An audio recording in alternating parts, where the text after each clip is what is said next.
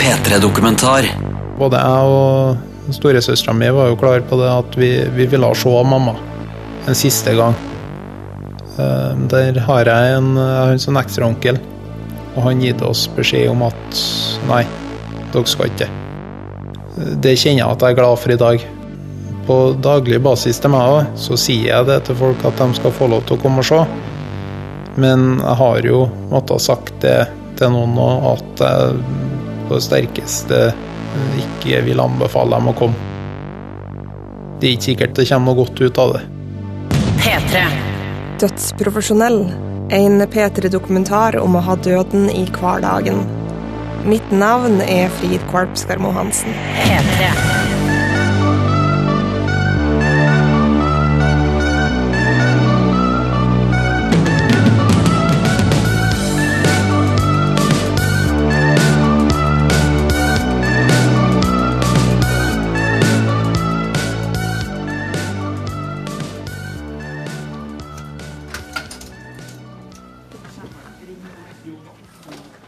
Det er onsdag ettermiddag, og vi befinner oss på et sykehjem i Trondheim. Har du en dødsattest da, I senga foran oss ligger det en eldre mann i rutete-skjorta. Han er død. Sovna stille inn klokka ni i morges. Familien har vært der og ja. Hans Magnus Gulliksen er gravferdskonsulent og har kommet hit for å hente den døde og ta han med til begravelsesbyrået. Med to hanskekledde fingre gnir han på øyelokkene til den døde, sånn at han skal få øynene igjen. Når vi trekker den over nå, så kan det at det ser litt voldsomt ut. Men det, vi, vi tar den nå så skånsomt som vi klarer. Liket løftes over på ei båre. Et hvitt laken brettes rundt den døde, og til slutt blir et blått fløyelstrekk lagt over, sånn at konturene av kroppen skal bli mindre synlig. Der. Eh, For da har vi fått med oss dødsattesten. Og den avdøde er jo lagt på gårde. Så tar vi den med oss videre opp på kontoret vårt opp Moholt. Holt. Sjøl om Hans Magnus bare er 26 år, har han gjort det her utallige ganger før. Faren hans jobba i begravelsesbyrå og tok med sønnen sin på likhenting første gang da han var bare 13 år. Det er faktisk bare et par uker siden han sist var på sykehjemmet, der han som tenåring henta sin første gamle dame. Det, jeg husker hvilket rom det var, og jeg husker, ja. jeg husker, jeg husker de bildene som hang rundt av, av familien hennes. Og det, det er litt rart at jeg sitter og smiler når jeg forteller det. Går forbi og kommer et lite sånn sukk. Å, der har vært. Kanskje litt rart. Det, det er det. Men det, det er ingen som krangler med meg på, så det, Men er det et godt minne? ja, det er det. Gjennom tenårene fortsatte Hans å hjelpe til i begravelsesbyrå. Og allerede da han var 16-17 år, var han bestemt på at dette var en bransje han ville gjøre karriere i. Rett etter videregående begynte han derfor å jobbe fulltid som tilkallingsvikar. Og da han var 23 år, ble han fast ansatt som gravferdskonsulent. Noen vil kanskje si at det er litt skummelt å se første døde menneske, men samtidig som det er skummelt, så er det, det er en ro over det. Så så du også litt det på måten hendene hennes var, at hun hadde, hun hadde sovna inn rolig. Hun var, hun var litt avslappa i hendene. Hun knøyt ikke sammen på noen måte. Så det virka som hun hadde, hun hadde dødd på en god måte, da. Det å følge Hans Magnus en hel dag føles som å bli innvia i en hemmelighet. Du befinner deg plutselig på den andre, profesjonelle sida av en begravelse.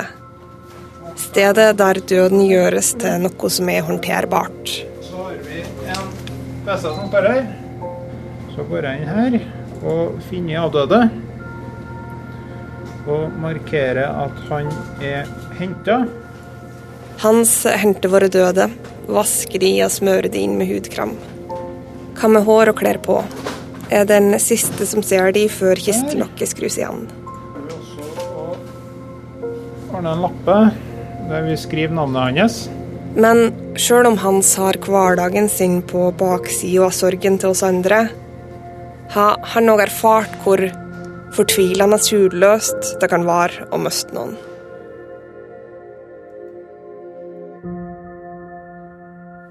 Året er 2003, og Hans er 13 år. Han bor i lag med mamma, pappa og ei søster i tettstedet Buvika, som ligger et par mil sør for Trondheim. Den 14. februar, en fredagskveld, skysser mora hans Magnus til en kamerat som bor i Trondheim. Der skal en spise innbakte pølser, spille TV-spill og overnatte. Og så midt på natta så får jeg en telefon fra søstera mi om at eh, det har brunnet, og de vet ikke hvor mamma er.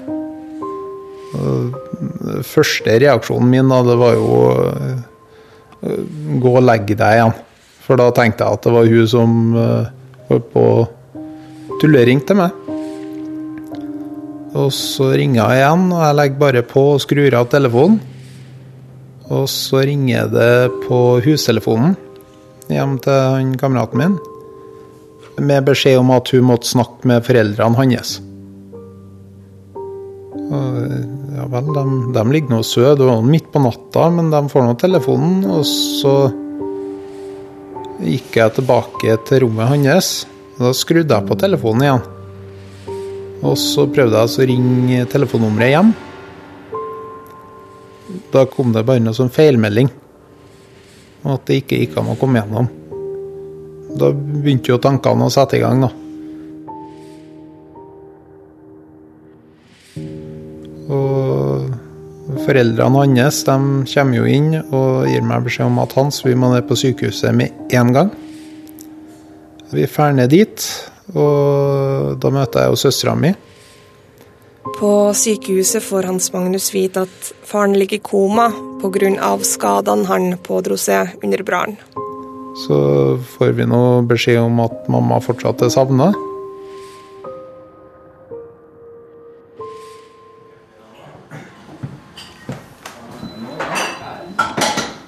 Har dere faste plasser?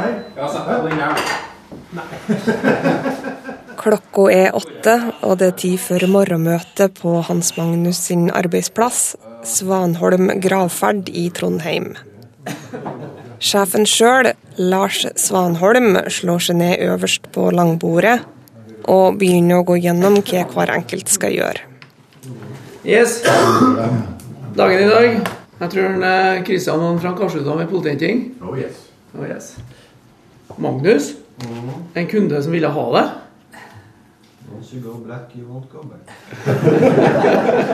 Stemninga er lett og påkledninga formell. Og Christian har seremoni inn her klokka 11. Blir overlappa av en Hans Magnus som har seremoni klokka 1. Hans har én bisettelse i dag, og før da skal han gjøre et nedlegg. Det vil si at han skal kle på et lik og legge det i kista. Jepp. Nei, men da har vi dagen dag belagt. Begravelsesbyrået ligger i et svært hvitt trehus med mange trapper.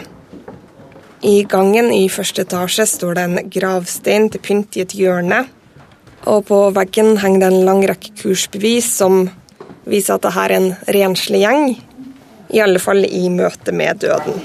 Jeg bare ser på kursbevisene deres. Ja, der er min. Ja, der, ja. Hygiene ved dødsfall. Både der og der. Så, så blir jeg mer etter hvert. Vi går forbi resepsjonen, og Hans Magnus sniker seg til en klem hos husets blomsterdekoratør. Så går han med lette skritt ned trappa til kjelleren for å begynne med likstellinga. Inn på kistelageret. Eh, Da var det, skal vi se, en eh, profil T3P hvit, som kista heter. Den her. Så da Hans legger kista på ei tralle og pakker den ut. Så plukker han med seg ei silkeskjorte, og vi er klare til å gå. Der. Når vi går her, da, så kommer vi inn til det stellerommet som vi har. Så alle sammen som eh, blir tatt med hit, de kjører vi inn på det rommet her. Stellerommet har en liten vask med hånddusj. På et skap henger det ei tegning av menneskekroppen med oversikt over store arterier. På ei tralle står det en plastboks med litt forskjellige ting. Parfyme, hårføner, gaffateip, sminke og en stor boks med hvit hudkrem. Som vi har her, som er beregna på kald hud. Så Vi smører, smører dem inn med det, og så tar vi dem med inn på, inn på kjølerommet vårt og eh, legger dem i hylle der. Og da er de jo markert med navn og Smører man inn hele Nei, da smører vi inn ansikt og hender. OK, for at da liksom huden ja, skal det- holde seg bedre? Ja. Hans Magnus tar på blå plasthansker og dekker den hvite skjorta si med en grønn kjortel. Så drar han tralla med seg inn på kjølerommet som ligger vegg i vegg. Her inne står det tatt i tatt med kister. Det som likevel fanger blikket, er ei stor metallhylle i fire etasjer, fylt med lik. De ser nesten ut som mumier der de ligger, med hvite laken pakka tatt omkring seg. Hans ruller ut ei av hyllene, slår lakenet til side, og i lag med en kollega løfter han den døde over i kista. Tilbake på stellerommet pakker Hans ut silkeskjorta den døde skal på seg. Og samtidig avsløres en bransjehemmelighet. Og for å gjøre det litt eh, lettere for oss, så er det ikke noe rygg på dem her.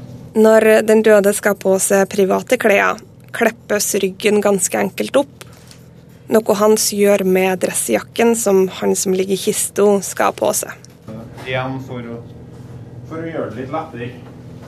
Når Hans først begynte jobb, var det ingen som fortalte han om det her påkledningstrikset. For da var det jo litt å se, se om jeg fant ut noe sjøl.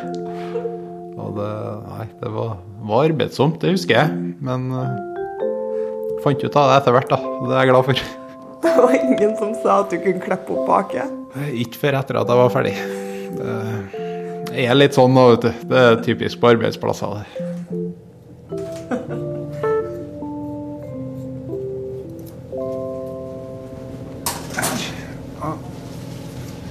Klipper jeg nesten helt opp. Eh,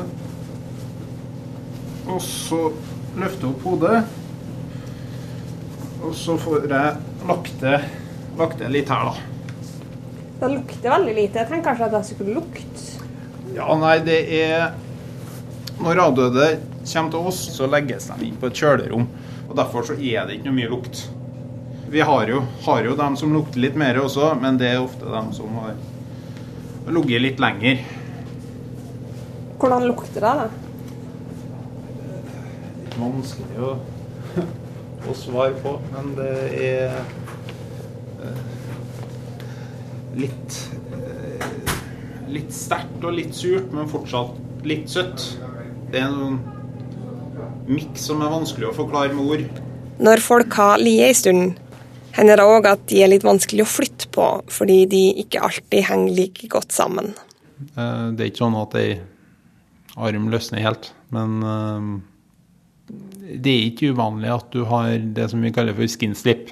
Kort fortalt betyr skinslip at de øverste lagene av huden løsner når du tar i den døde, sånn at det er vanskelig å få grep. Ikke spesielt trivelig, men langt fra det verste Hans har vært borti.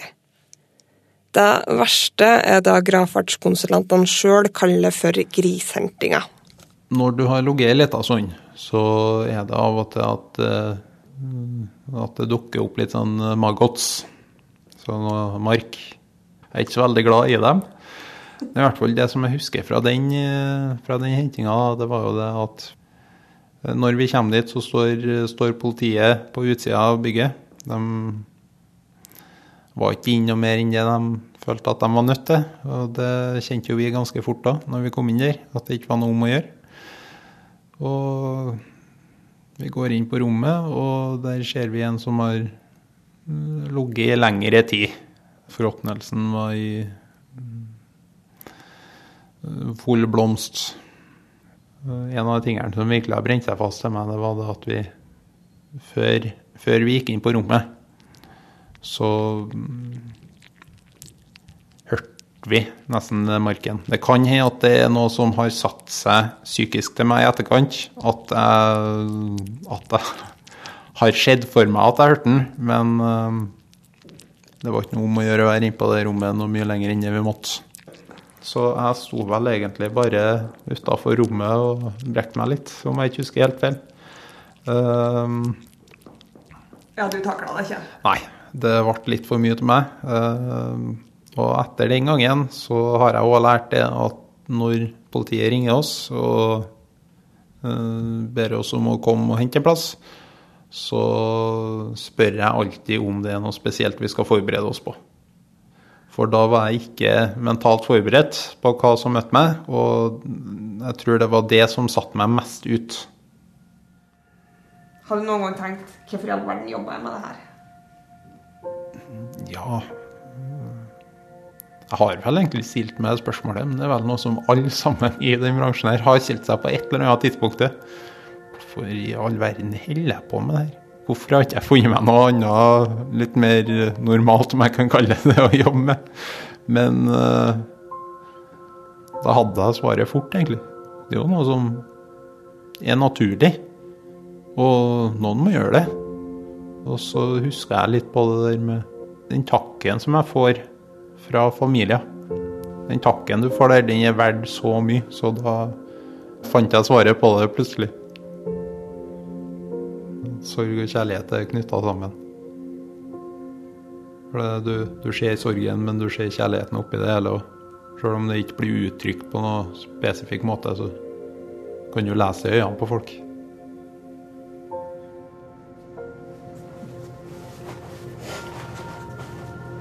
Da, eh, og så tar vi og vasker gjennom håret hans først nå. Og da Det er noe slående med å se et dødt menneske. På mange vis føles det som om du ser på et skall, som den som en gang levde denne kroppen, har forlatt. Fingrene er blå, muren gaper, og bukhulen har sunket i hop, sånn at det er et bratt stup ned ifra ribbeina. Da tar vi bare og så sprayer litt sånn drywash i håret hans. Men det er ikke, det er ikke den tradisjonelle tørre sjampoen, det der? Nei, det er ikke den tradisjonelle som du får kjøpt på butikken. Det er det ikke. Men, uh, men det, det er ikke så stor forskjell på dem, egentlig. Da kommer vi, litt, kommer vi til litt her, vet du. Eh, litt sånn vanlige ting som nevnes når, når familien kommer for å se, det er akkurat det der med at eh, avdøde kan se litt annerledes ut. Det kan jo, kan jo være, og det er ofte det òg, at eh, vi har lagt håret litt feil. Jeg er jo veldig glad i å uh, få se noen bilder av avdøde. Bare, bare sånn at jeg vet litt hvordan hvordan han eller hun likte å være, likte å se ut. Når håret er ordna, legger Hans en plastkrage rundt halsen, slik at munnen holdes igjen. Han ser jo ganske fin ut, egentlig. Men om, om jeg hadde sett litt bleik ut, så har vi også en krem her med, med litt farge. Men jeg kan jo ta litt av den, så får, får dere se hvordan, hvordan det ser ut der. Den den er jo knelloransje. Den er det. Men det er kanskje fordi de er litt sånn blågrønn i tonen, så Jo da. man komplementerer Det, det. det var dine ord, skulle jeg til å si. I stedet for buksa legger Hans ei papplate over beina til den døde. Og oppå der igjen brer han et teppe. for da ligger, ligger teppet mye, mye rettere oppå. Og så legger vi jo til litt, litt ordentlig. Og legger av det, det litt ordentlig også, da, vet du, med hendene, i, med hendene som holder hverandre. sånn. Jeg syns nå, syns nå han ser fin ut der han ligger nå. Ser litt ut som han sover. Familien til han som ligger i kista, skal ikke ha likskue. Og i dag lokket kommer på, slår det med at vi er de siste som ser det her mennesket. Det er noe rørende som er det. Ja, men det, det er jo det. Det er jo Det, det er noe eget med det å være den som lukker igjen kista. Ja. Den kisten som, som er med på det.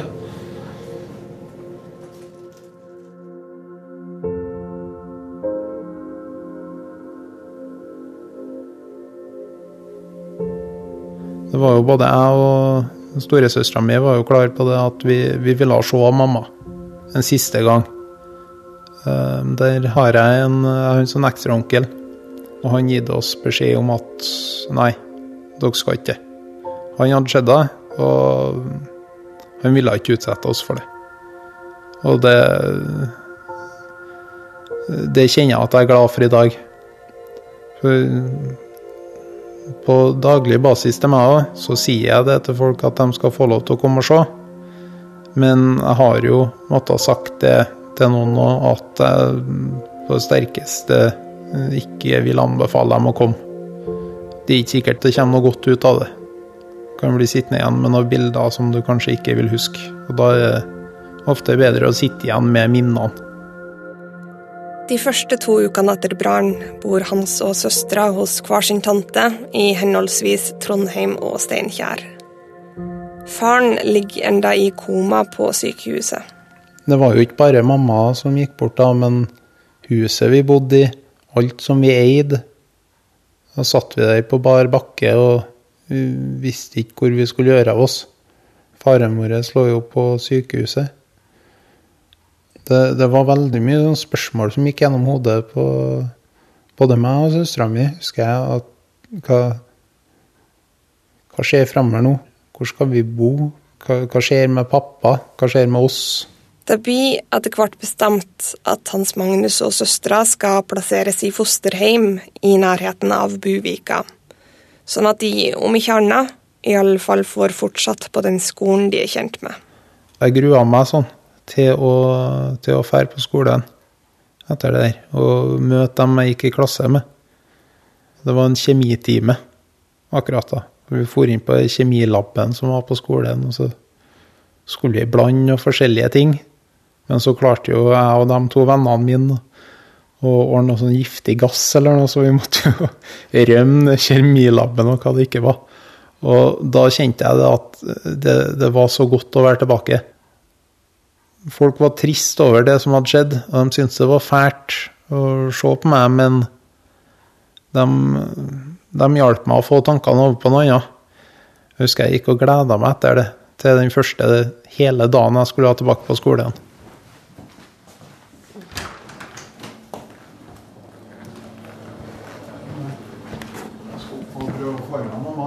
Ja, jeg tror kanskje jeg må gjette litt, jeg òg. Klokka har passert elleve, og på begravelsesbyrået er det tid for en matbit. Inne på lunsjrommet sitter allerede sjefen sjøl, Lars Svanholm. Familien Svanholm har gravlagt folk i generasjoner. Og Lars var bare sju år første gang han var med og stelte et lik. Så da var jeg med og tok borti ei dame som døde, var med og stelte og vaska og kledde på. Og det var veldig rart. Denne utstrakte erfaringa gjør at Lars nå er i stand til å kjenne på lukta hvor lenge noen har vært død. Veldig ofte, enten når jeg kommer inn døra i huset, altså åpner hoveddøra, eller når jeg åpner romdøra inn til soverommet. Det avhenger av hvor lenge personen har vært død. Så da kan jeg uten å se inn nesten vite akkurat hva som møter oss. Det er ikke noe tvil om at de som jobber her, har blitt litt plassert på en del områder. Det er snakk om kropper i forråtnelse har f.eks.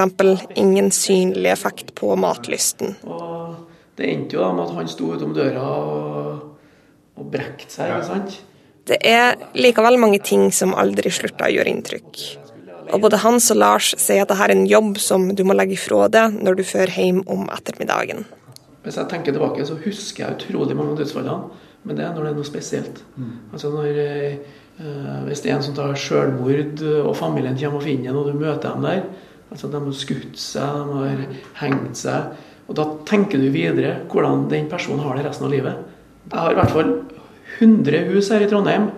Så når jeg kjører forbi det, så husker jeg hvordan dødsfallet som var i det huset. Men da er det noe spesielt. Da, da husker du på det. Men jeg har ikke med meg når jeg drar hjem. Men jeg passerer, så tenker jeg lurer på hvordan det går med hun eller han eller dem som var her.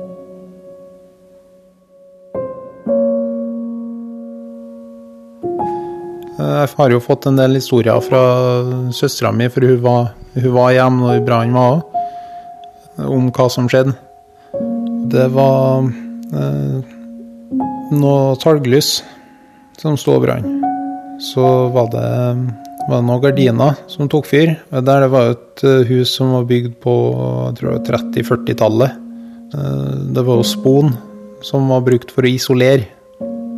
Og spon, det, det brenner jo godt. Så når, når det først hadde tatt fyr, så gikk det fort. Det var søstera mi som våkna først, vet jeg. Da så sprang hun inn til både mor mi og far min og varsla der. Og så begynte jo de å komme seg ut, skulle jeg til å si. Og jeg fikk jo vite at uh, mor mi uh, torde ikke å ut. Hun var for redd for flammene, rett og slett. Så far min han hadde jo sprunget ut og flytta bilene i frykt for at de skulle eksplodere. Så hadde han kommet opp til huset igjen og sprunget inn for å få ut av mamma. Men han klarte ikke det. Så hadde han falt ned trappa fra andre etasjen til første etasjen. Eh, så hadde søstera mi hjulpet ham videre ut.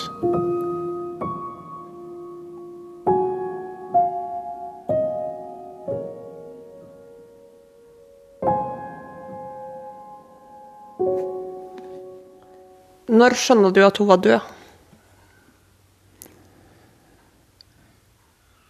Eh, det var, det var en som eh, hadde sagt det til søstera mi når hun, når hun sto opp med veien eh, sammen med ambulanse og slikt, at det var, det var en full mann som gikk ut av en taxi som hadde stoppa opp med veien, som gikk bort til søstera mi og sa det at han så ei som sprang opp mot skogen. Den mannen eh, har jeg kjent flere ganger at jeg har hatt lyst til å få tak i. Eh, for han, han vekte, jo, vekte jo et falskt håp. Så jeg visste, jeg visste jo egentlig at, at det ikke var sant, det han sa. De fant henne ganske fort, de gjorde det. Vi fikk jo beskjed om at det var ei uidentifisert eh, dame som lå, eh, lå i senga eh, inn på soverommet til mamma og pappa. Men der igjen så prøver du å lyge litt for deg sjøl. For jeg skjønte sikkert allerede da at, at det var hun. Men så er det det der hva om mamma kom seg ut? Hva om hun var så redd at hun rømte? Og hva om det var en annen sånn på en eller annen måte som jeg ikke klarer å finne ut engang? Og dratt opp der og lagt seg i senga. Det var ikke noe logikk bak det i hele tatt, men det var litt sånn tankegang som du får lyst til å holde litt på bare for å holde på håpet. Utsatt smerten. Ikke sant? Jeg holdt fast på det ganske lenge. Ehm, jeg tror egentlig ikke jeg virkelig innså at uh, mora mi var død før uh, Før vi kledde på oss og for til for til bisettelsen hennes. Jeg tror det var da det virkelig gikk opp for meg. For det Nei. Det, jeg kan ikke, kan ikke, huske noe før det. At jeg, at jeg var klar på at hun var død.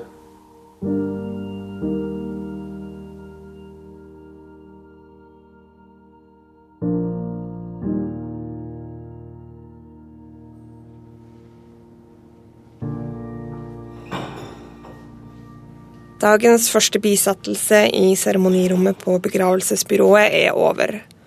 Og Hans Magnus har så smått begynt å ordne til neste.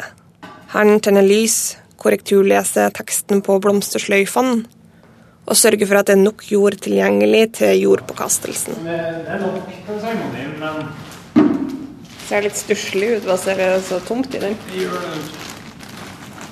Bak i lokalet øver organisten og sangeren på salmer som skal brukes i seremonien.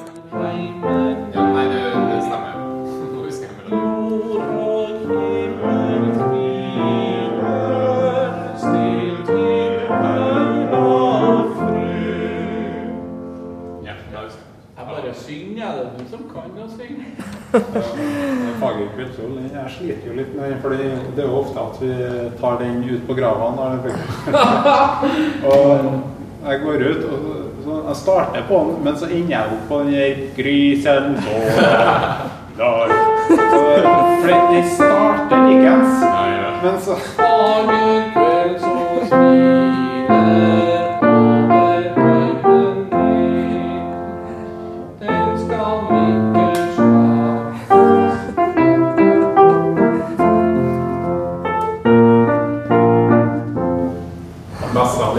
syns egentlig var det som han trodde han klarte. Ja, og herre. Og jeg gjorde jo det sjøl. Ja, en, eh, en som han var gravferdskonsulent der før, da. Han, eh, han skulle ut på grava, og der var det 'Så ta deg mine hender'. De skal vi synges. Og han er jo fotballfan, han her, da. Eh, Så begynte han jo, begynte han jo på Rosenborg-sangen i stedet. Og det, når du står der, alle sammen ser på deg og venter på at du skal begynne å synge, så han skjønte jo det etter at han hadde sunget første strofen og ser seg litt rundt. Og, ja. um, og så begynte han på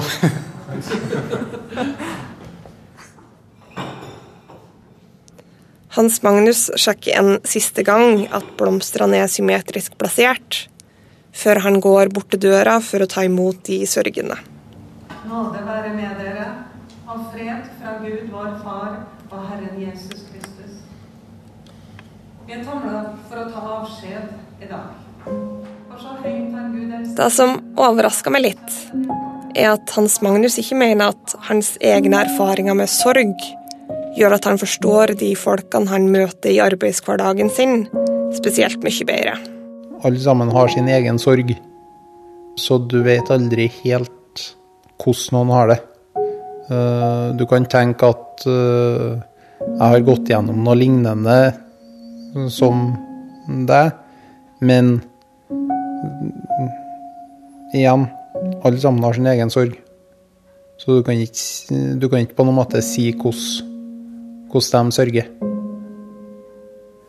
Eh, Jeg husker at en av de tingene som jeg var litt lei meg for, det, det var Mamma pleide å lese eh, Hobbiten. Eller det var en av de tingene hun leste på en av de siste feriene som vi hadde. Og der eh, Der var jeg så lei meg, for hun fikk aldri vite hvordan 'Ringenes herre' slutta. Hun fikk aldri sett den siste filmen. Og det er jo, du tenker på det, så er det jo en helt idiotisk tanke, men allikevel, det var en av de tingene som jeg syntes var skikkelig trist. Og oppi det hele så er jo det bare en filleting å være lei seg for, men, men jeg tror det er mye som lå bak det der. For det, det var mer det der uh, Ting som vi ikke får opplevd sammen.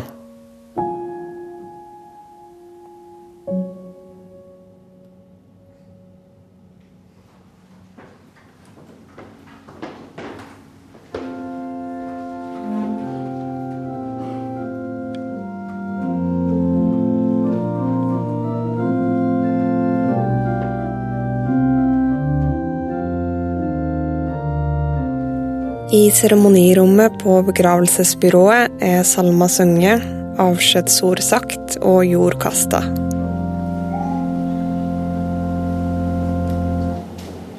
Av jord er du kommet. Til jord skal du bli.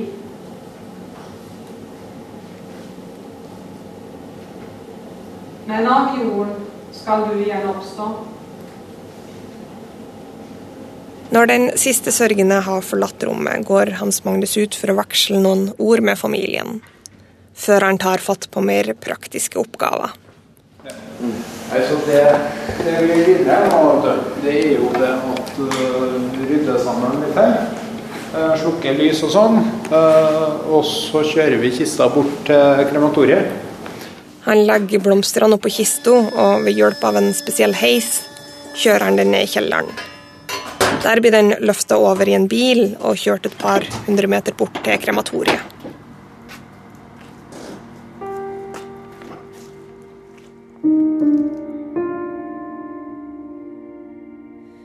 Huset til Hans Magnus sin familie brann natt den 15. februar 2003. Tre uker senere våkner pappaen opp fra koma på St. Olavs hospital i Trondheim. Det første han spør om, er om kona hans lever. Når svaret er nei, bryter han i hop. Det er jo første gangen jeg så far min, eh, far min skrike. Og det er uten tvil det verste jeg noensinne har sett. For det, du har ikke lyst til å se foreldrene dine skrike. Det, det er et eller annet med det som knuser deg helt.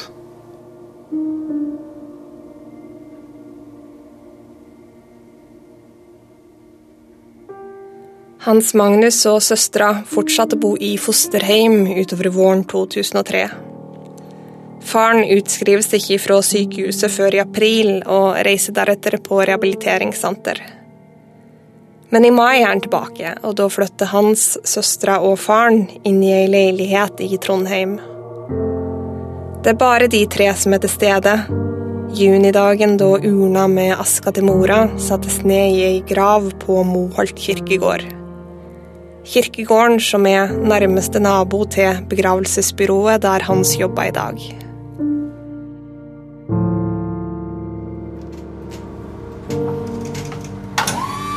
Vil du være med på bildene òg, nå? Vel framme på krematoriet kaster Hans blomstene i en container utafor. Du har nemlig ikke lov til å brenne blomstene i lag med kista. Deretter tar han fram et lite støvbrett og koster jorda av kista. Det er jordpå, ja, etter jordpåkastelser tar av jorda. Når det er gjort, kjører han kista inn på krematoriet ved hjelp av en trøkk og plasserer den i ei hylle der. Der, for å skanne kiste til kremasjon. Og den koden som står på navnet til avdøde. Fester den her på kista, og da vet uh, de som jobber på krematoriet, hvem det er. Da får de beskjed om at avdøde er kjørt og levert her. Da Er vi ferdig? Da lukker vi igjen her, og da er vi nå egentlig ferdig med det.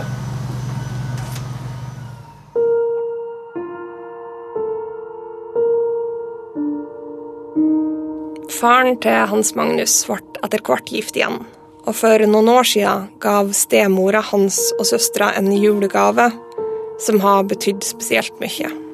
Vi hadde en safe liggende med, med litt sånn VHS-er og sånne ting. Og der var det stemora mi som uh, Hun fikk alt det der over på dataen. Og hun hadde ordna noen noe DVD-er, både til meg og søstera mi. Uh, med litt forskjellige sånn ferieturer der vi var i Tyskland, var i Danmark, vi var på kanalbåtferie i England. Vi var på hundeutstilling når vi var små og sånne ting. Da var vi i Tyskland på en av dem der. Og da er det mor mi som går og filmer, og så uh, er vi inne på en restaurant eller noe. Og så filmer hun ut av vinduet. Og så hører jeg, hører jeg at hun sier da, og da syns jeg jo det er kjempegodt å høre stemmen hennes. At hun sier da at ja, se hvor vi er. Nei, ikke der. Og da, da filma på reperbanen. det var jo ikke det hun skulle filme. Og så snur hun seg og ja, vi fant en kjempekoselig restaurant. Og det, det, det, det er jo sånn småting som fester seg litt. Og spesielt det med å høre stemmen til mamma. Det, det er litt rart, for etter hvert så glemmer du stemmen til folk. Du klarer ikke helt å se for deg hvordan de så ut, spesielt ikke når du har noe mye bilder. Jeg har ikke mye bilder av mamma. Men med en gang når jeg hørte stemmen hennes på videoen, og fikk se henne gå rundt omkring og tulle sammen med resten av familien, holdt med hunder og hva det ikke var, så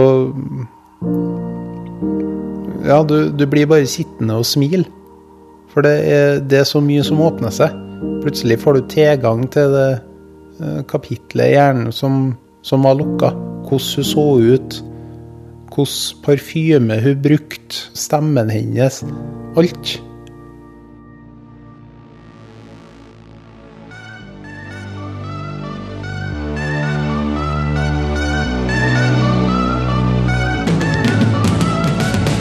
P3-dokumentar søndag klokka ni på P3. Se, les og lytt mer om denne historien når du vil på p3.no.